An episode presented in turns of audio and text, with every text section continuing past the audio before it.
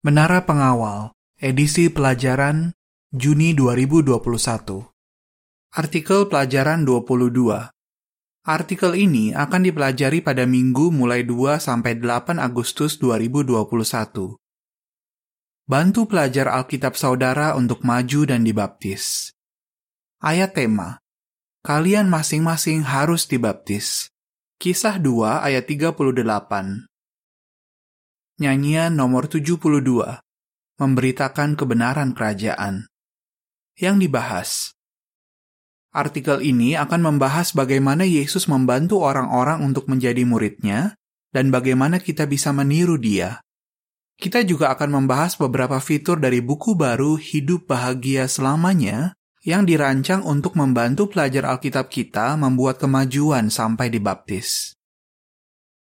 Paragraf 1. Pertanyaan, apa yang harus dilakukan orang-orang yang berkumpul di Yerusalem? Ada banyak sekali pria dan wanita yang berkumpul di Yerusalem pada abad pertama. Mereka datang dari berbagai negeri dan bahasa mereka berbeda-beda.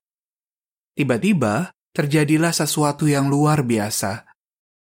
Sekelompok orang Yahudi bisa berbicara dalam bahasa asli orang-orang yang datang itu.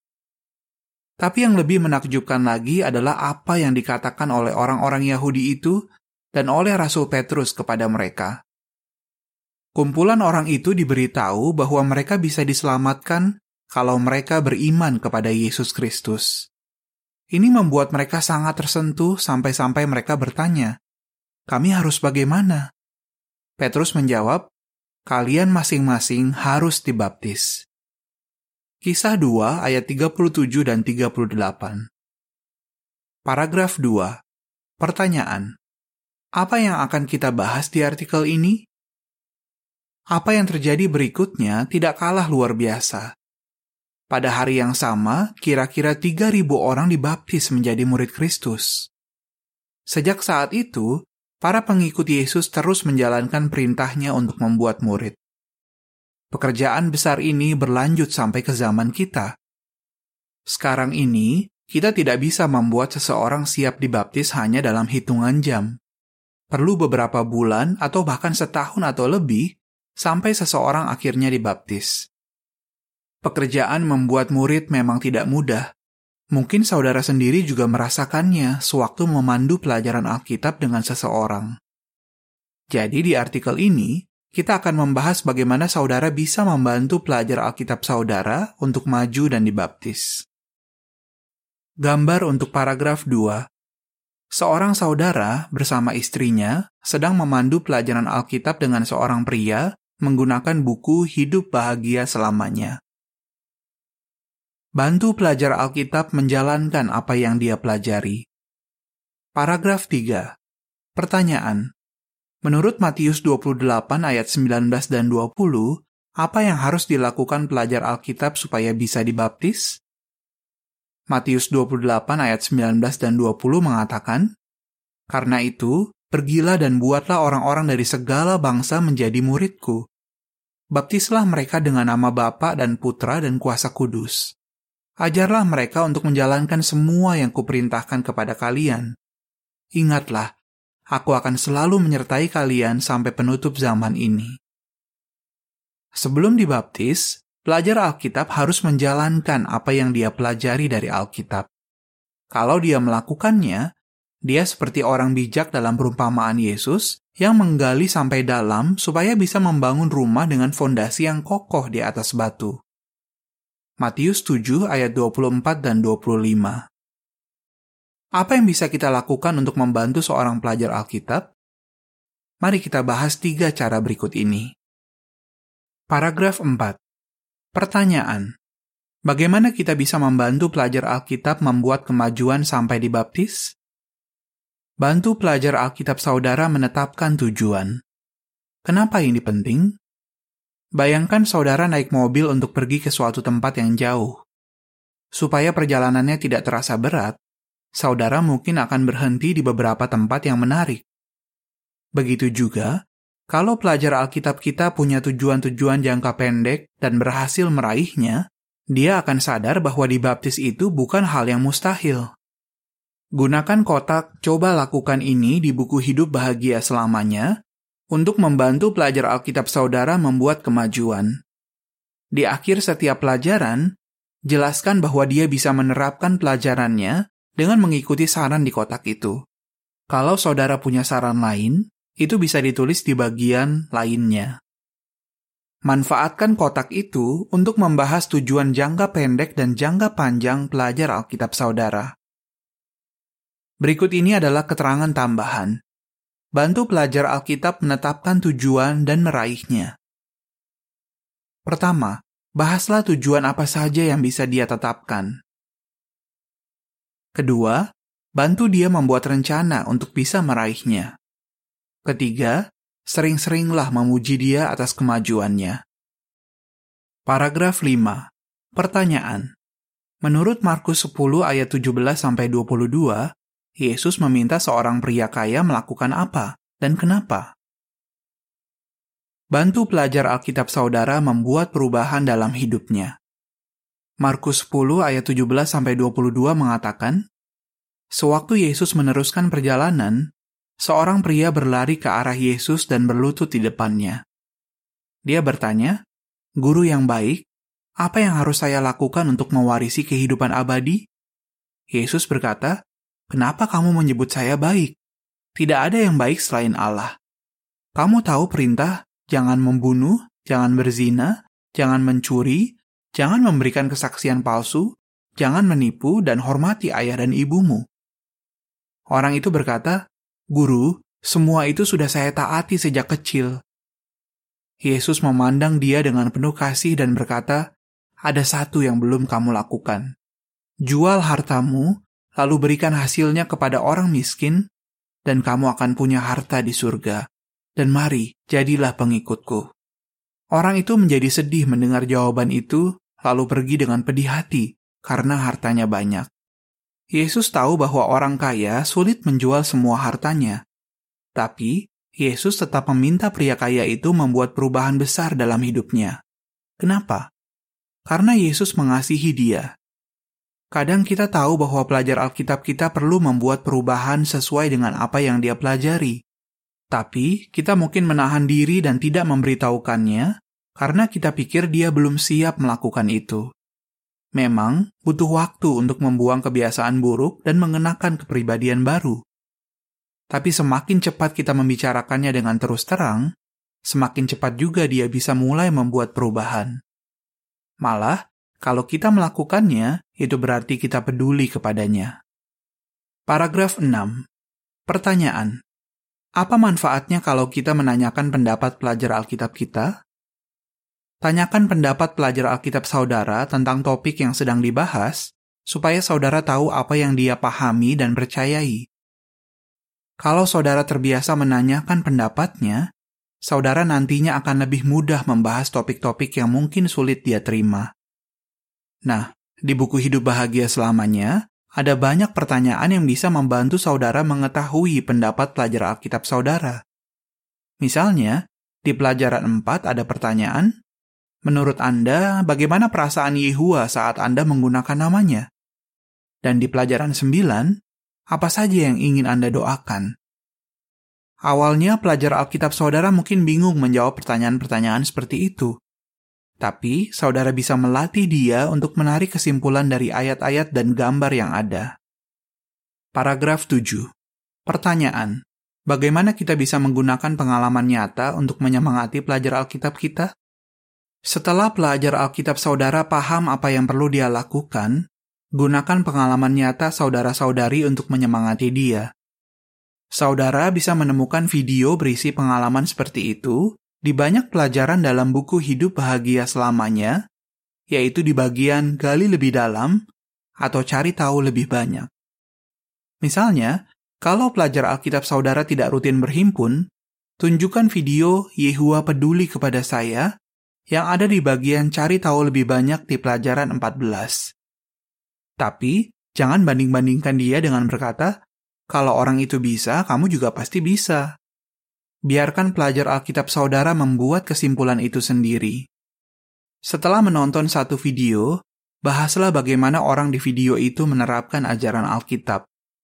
Misalnya, saudara bisa menyoroti hal tertentu yang dia lakukan atau salah satu ayat penting yang disebutkan. Sebisa mungkin tandaskan bagaimana Yehua membantu orang itu. Catatan kaki mengatakan, untuk menemukan lebih banyak pengalaman saudara-saudari kita, silakan buka panduan riset untuk saksi-saksi Yehua di bawah subjek Alkitab, lalu nilai praktis, dan lihat di bawah subjudul Alkitab mengubah kehidupan, artikel berseri di Menara Pengawal, atau buka bagian media di JW Library, kategori wawancara dan pengalaman. Akhir catatan kaki. Paragraf 8. Pertanyaan. Bagaimana kita bisa membantu pelajar Alkitab kita menyayangi Yehua? Bantu pelajar Alkitab saudara menyayangi Yehua. Bagaimana caranya? Carilah kesempatan untuk membicarakan sifat-sifat Yehua. Bantulah pelajar Alkitab saudara mengerti bahwa Yehua adalah Allah yang bahagia, dan dia selalu memberkati orang-orang yang menyayanginya. Tunjukkan juga manfaatnya menerapkan apa yang Yehua ajarkan, lalu jelaskan bahwa hal itu membuktikan kalau Yehua menyayangi dia. Semakin besar kasihnya kepada Yehua, semakin besar juga keinginannya untuk membuat perubahan yang menyenangkan Yehua. Kenalkan pelajar Alkitab kepada saudara-saudari. Paragraf 9. Pertanyaan. Kenapa janji di Markus 10 ayat 29 dan 30 bisa membantu pelajar Alkitab untuk mau membuat pengorbanan? Supaya bisa maju dan dibaptis, pelajar Alkitab perlu membuat pengorbanan. Seperti pria kaya yang disebutkan sebelumnya, beberapa pelajar Alkitab mungkin perlu mengorbankan hal-hal materi. Ada yang mungkin harus mencari pekerjaan lain karena pekerjaan mereka bertentangan dengan prinsip Alkitab. Banyak pelajar Alkitab mungkin harus berhenti bergaul dengan teman-teman mereka yang bukan penyembah Yehua. Dan yang lain lagi bisa jadi dijauhi oleh keluarga mereka yang tidak suka dengan saksi Yehua. Yesus mengerti bahwa membuat pengorbanan seperti itu memang tidak mudah. Tapi itu tidak sia-sia. Yesus berjanji bahwa para pengikutnya akan mendapat keluarga rohani yang menyayangi mereka. Markus 10 ayat 29 dan 30 mengatakan, Yesus berkata, Sesungguhnya kukatakan, siapa pun yang meninggalkan rumahnya, atau kakaknya, atau adiknya, atau ibunya, atau ayahnya, atau anaknya, atau ladangnya demi aku dan demi kabar baik, akan mendapat seratus kali lebih banyak di zaman sekarang ini, yaitu lebih banyak rumah, kakak, adik, ibu, anak, dan ladang disertai penganiayaan. Dan di zaman yang akan datang, dia akan mendapat kehidupan abadi. Nah, bagaimana saudara bisa membantu pelajar Alkitab saudara untuk menikmati berkat yang indah ini? Paragraf 10. Pertanyaan. Apa yang saudara pelajari dari pengalaman Manuel? Jadilah sahabat bagi pelajar Alkitab saudara. Pelajar Alkitab saudara perlu merasakan bahwa saudara peduli kepadanya. Kenapa ini penting? Coba perhatikan pengalaman saudara Manuel dari Meksiko sewaktu dia masih belajar Alkitab. Dia berkata, Sebelum mulai belajar, guru saya selalu tanya kabar saya, saya jadi nyaman untuk cerita apa pun sama dia. Saya bisa rasakan kalau dia benar-benar peduli sama saya. Paragraf 11. Pertanyaan. Apa manfaatnya kalau kita meluangkan waktu untuk bergaul dengan pelajar Alkitab kita? Dulu, Yesus bergaul dengan para pengikutnya. Seperti dia, saudara juga perlu meluangkan waktu untuk bergaul dengan pelajar Alkitab saudara. Jika cocok, undang pelajar Alkitab saudara yang sudah maju untuk datang ke rumah. Saudara bisa mengajaknya minum kopi, makan bersama, atau menonton acara bulanan JW Broadcasting. Pelajar Alkitab saudara pasti akan senang, apalagi kalau saudara mengundangnya saat dia sedang kesepian, misalnya sewaktu teman-teman atau keluarganya sedang mengadakan perayaan tertentu yang bertentangan dengan Alkitab. Saudara Kazipwe dari Uganda berkata, saya belajar banyak tentang Yehua saat bergaul dengan guru Alkitab saya, bukan hanya saat saya belajar Alkitab dengannya. Saya bisa lihat kalau Yehua peduli kepada umatnya dan mereka bahagia. Saya juga mau seperti mereka. Paragraf 12. Pertanyaan. Kenapa kita perlu mengajak penyiar yang berbeda-beda sewaktu memandu pelajaran Alkitab? Ajak penyiar yang berbeda-beda sewaktu memandu pelajaran Alkitab. Kadang kita mungkin merasa lebih mudah untuk memandunya sendiri atau dengan penyiar yang selalu sama. Tapi, coba ajak penyiar yang berbeda-beda. Meskipun butuh upaya, itu akan bermanfaat bagi pelajar Alkitab kita. Saudara Dmitri dari Moldova berkata, setiap penyiar yang diajak oleh guru Alkitab saya punya cara sendiri untuk menjelaskan sesuatu. Saya jadi bisa melihat pelajarannya dari berbagai sudut pandang. Dan pertama kali saya berhimpun, saya jadi tidak terlalu malu karena saya sudah kenal banyak saudara-saudari. Gambar untuk paragraf 12. Kalau saudara mengajak penyiar yang berbeda-beda, pelajar Alkitab saudara bisa lebih tertarik untuk berhimpun. Berikut ini adalah keterangan untuk gambar yang dibahas bersama paragraf 12. Seorang saudara mengajak istrinya sewaktu memandu pelajaran Alkitab. Di kesempatan berikutnya, saudara itu mengajak penyiar-penyiar lain. Paragraf 13. Pertanyaan. Kenapa kita harus menganjurkan pelajar Alkitab kita untuk berhimpun? Anjurkan pelajar Alkitab saudara untuk berhimpun. Kenapa ini penting? Karena Yehua memerintahkan umatnya untuk beribadah bersama. Selain itu, saudara-saudari kita adalah keluarga rohani kita. Jadi sewaktu berhimpun, kita seperti sedang menikmati makanan yang lezat bersama-sama. Berhimpun juga adalah langkah yang sangat penting supaya pelajar Alkitab saudara akhirnya bisa dibaptis. Tapi awalnya, dia mungkin merasa sulit untuk berhimpun. Nah, bagaimana saudara bisa memanfaatkan buku Hidup Bahagia Selamanya untuk membantu dia? Paragraf 14. Pertanyaan, apa yang bisa kita lakukan supaya pelajar Alkitab kita mau berhimpun? Gunakan pelajaran 10 dari buku Hidup Bahagia Selamanya untuk membuat pelajar Alkitab saudara mau berhimpun.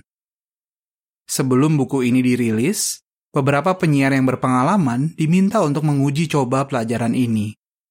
Hasilnya, banyak pelajar Alkitab mereka mau berhimpun. Tapi tentu saja saudara tidak perlu menunggu sampai pelajaran 10 untuk mengundang pelajar Alkitab saudara ke perhimpunan.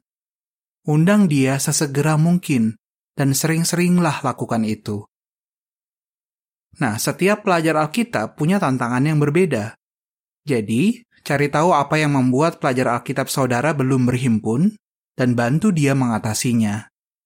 Jangan kecil hati kalau dia tidak langsung mau berhimpun. Tetaplah sabar dan jangan menyerah. Bantu pelajar Alkitab mengatasi rasa khawatirnya. Paragraf 15. Pertanyaan. Kekhawatiran apa saja yang mungkin dirasakan pelajar Alkitab kita? Apakah saudara ingat perasaan takut atau khawatir yang dulu saudara rasakan sewaktu mau menjadi saksi Yehua? Mungkin saudara sempat berpikir, saya tidak akan bisa mengabar dari rumah ke rumah. Atau saudara mungkin takut dijauhi keluarga dan teman-teman. Kalau itu yang dulu saudara rasakan, saudara pasti bisa memahami perasaan pelajar Alkitab saudara. Yesus juga paham bahwa kita bisa punya perasaan seperti itu. Tapi Yesus menasihati para pengikutnya agar rasa takut mereka tidak sampai menghalangi mereka untuk melayani Yehua. Apa yang Yesus lakukan untuk membantu mereka dan bagaimana saudara bisa menirunya? Paragraf 16. Pertanyaan. Bagaimana kita bisa melatih pelajar Alkitab kita untuk mengabar?